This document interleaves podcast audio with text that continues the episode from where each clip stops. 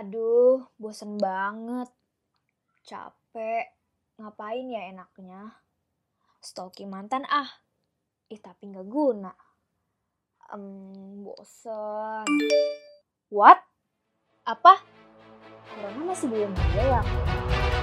Sekarang langsung saja kita pantau perkembangan data virus corona di dunia dan juga di Indonesia. COVID-19 di tanah air masih terus bertambah. Pemerintah mengumumkan tambahan 1.679 kasus baru di Indonesia. Dan sekarang kita update terlebih dahulu perkembangan kasus COVID-19 di Indonesia. Jumlah kasus Kita beralih ke informasi selanjutnya berdasarkan data yang dihimpun oleh Satuan Tugas Penanganan COVID-19 per hari ini, 10 September 2020. Penambahan kasus COVID-19 di Indonesia menjadi yang terbanyak.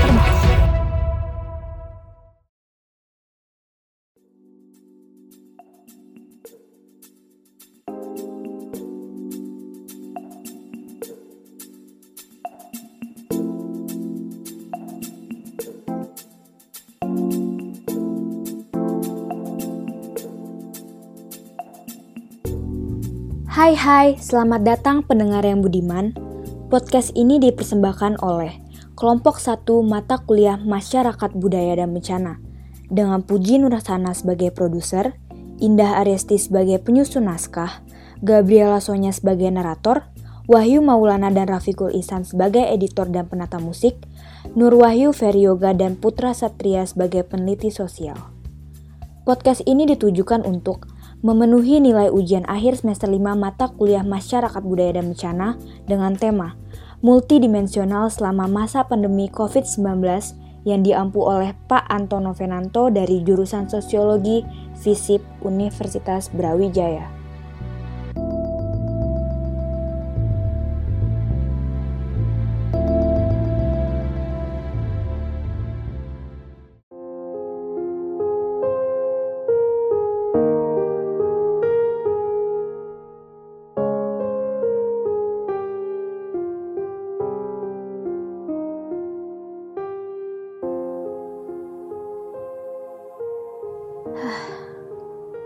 Kata orang, bumi semakin tua. Karena itulah, bumi jadi sering sakit-sakitan atau menyakitkan orang yang tinggal. Tapi pernahkah terfikir di benak kita bahwa apa yang terjadi di bumi akan membawa sebuah krisis baru? Namanya COVID-19. Orang-orang mengenalnya sebagai virus jenis baru yang mematikan. Entahlah. Yang aku tahu, dunia menjadi sibuk karena virus ini. Sekolah ditutup, mal-mal ditutup. Orang-orang bahkan dilarang bertemu untuk sementara waktu. Tapi pernahkah kita membayangkan apa yang dahulu kita lakukan dengan senang hati, kini harus dibatasi karena corona dan juga kebijakan pemerintah? Ya, social distancing dengan dalil untuk meminimalisir penyebar luasan virus ini. Seminggu, dua minggu, lockdown diberlakukan. Masih tak apa, masyarakat masih merasa aman terkendali. Sebulan, dua bulan, sedikit terasa dampak virus ini. Hingga beberapa bulan kemudian, aku melihat banyak protes dan keluhan dari berbagai kalangan masyarakat. Ekonomi, pendidikan, pariwisata, kesehatan mental, sosial budaya, kena impact katanya. Gak tahan, corona kapan kamu pulang? Kata-kata demikian santar ku dengar di laman-laman media sosial. Menunjukkan bahwa pandemi membawa dampak pada krisis yang membuat orang-orang capek untuk bertahan.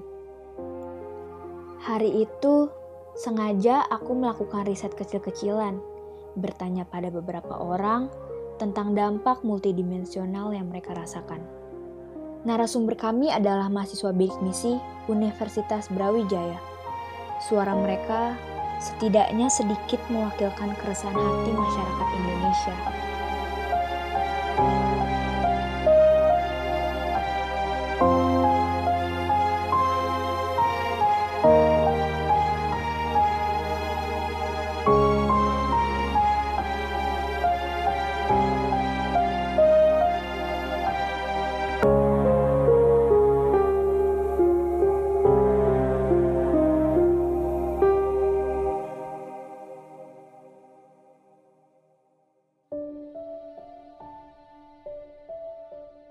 Mahasiswa bidik misi adalah sebagian dari kalangan masyarakat yang merasakan dampak pandemi ini. Rasa lelah, bosan, dan penat menjadi komposisi hidup yang harus mereka jalani. Kata mereka, "Saya tidak tahan jika harus kuliah dari rumah. Saya tidak tahan pandemi melumpuhkan pundi-pundi rupiah saya, dan saya tidak tahan karena harus terkurung dan tidak bertemu dengan teman-teman." Parahnya lagi, saya menjadi mudah kesal dan juga kesepian.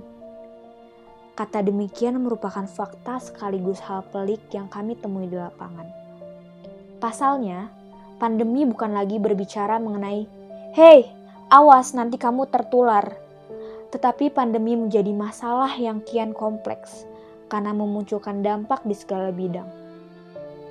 Jika dulu kita hanya mengira pandemi hanya berkutat di bidang kesehatan, Ternyata kita salah. Ia kini juga mempengaruhi pendidikan, ekonomi, sosial budaya, bahkan mental pribadi individu. Dalam bidang pendidikan, mereka mengaku sangat resah atas program kuliah daring yang diberlakukan oleh pemerintah. Kementerian Pendidikan dan Kebudayaan mengeluarkan surat edaran Menteri Pendidikan nomor 36962 garis miring MPK titik A garis miring HK garis miring 2020 yang menyatakan bahwa tertanggal 17 Maret pembelajaran dilaksanakan secara daring dan bekerja dari rumah dalam rangka pencegahan penyebaran virus corona. Berdasarkan pada kenyataan demikian, narasumber kami selaku mahasiswa mau tidak mau harus mengikuti perkuliahan daring ini. Perkuliahan daring yang didesain sebagai alternatif untuk mencegah penularan virus corona, aku rasa justru melahirkan permasalahan baru. Kendala sinyal, sarana prasarana, kedalaman materi, titik fokus bagi para mahasiswa menjadi malapetaka tak berkesudahan. Gak paham aku, semester kemarin ngomongin apa sih? Demikian tutur narasumber kami saat ditanya apa yang kalian dapat saat kuliah di masa pandemi. Tak berhenti sampai di situ, pandemi membuat mereka yang berekonomi kurang juga merasa kian susah untuk hidup. Bidik misi tak kunjung cair, orang tua yang tidak lagi bekerja, susah cari kerjaan, makan susah, kerja susah, semua hal yang berhubungan dengan kegiatan ekonomi hanya dapat disimpulkan dengan kata susah. Lama-lama, pandemi juga berpengaruh pada kesehatan mental, seperti merasa sepi, gak berguna, bosan, mood yang berubah-ubah kayak bunglon. Rasanya pengen marah terus. Wajar kok wajar, semua orang capek akan pandemi dan juga dampak-dampaknya. Dan sebenarnya masih banyak banget dampak dari corona di segala bidang yang gak mampu disebutkan satu persatu.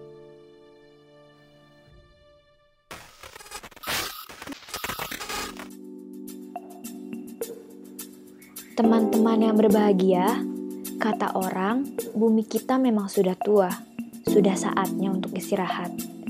Ada yang bilang juga, dunia yang tua itu harus dengan baik kita jaga. Sekarang kan lagi corona, harusnya kita lebih pandai dalam mengintrospeksi rasa. Iya capek, lelah, tapi selain berdoa kita bisa kok sama-sama berusaha untuk menekan angka penularannya. Teman-teman ingin kembali melakukan aktivitas seperti biasa kan? Maka jika demikian, hayu semangat! Terima kasih semuanya yang telah mampir ke podcast kami. Kelompok 1, Mata Kuliah Masyarakat, Budaya, dan Bencana.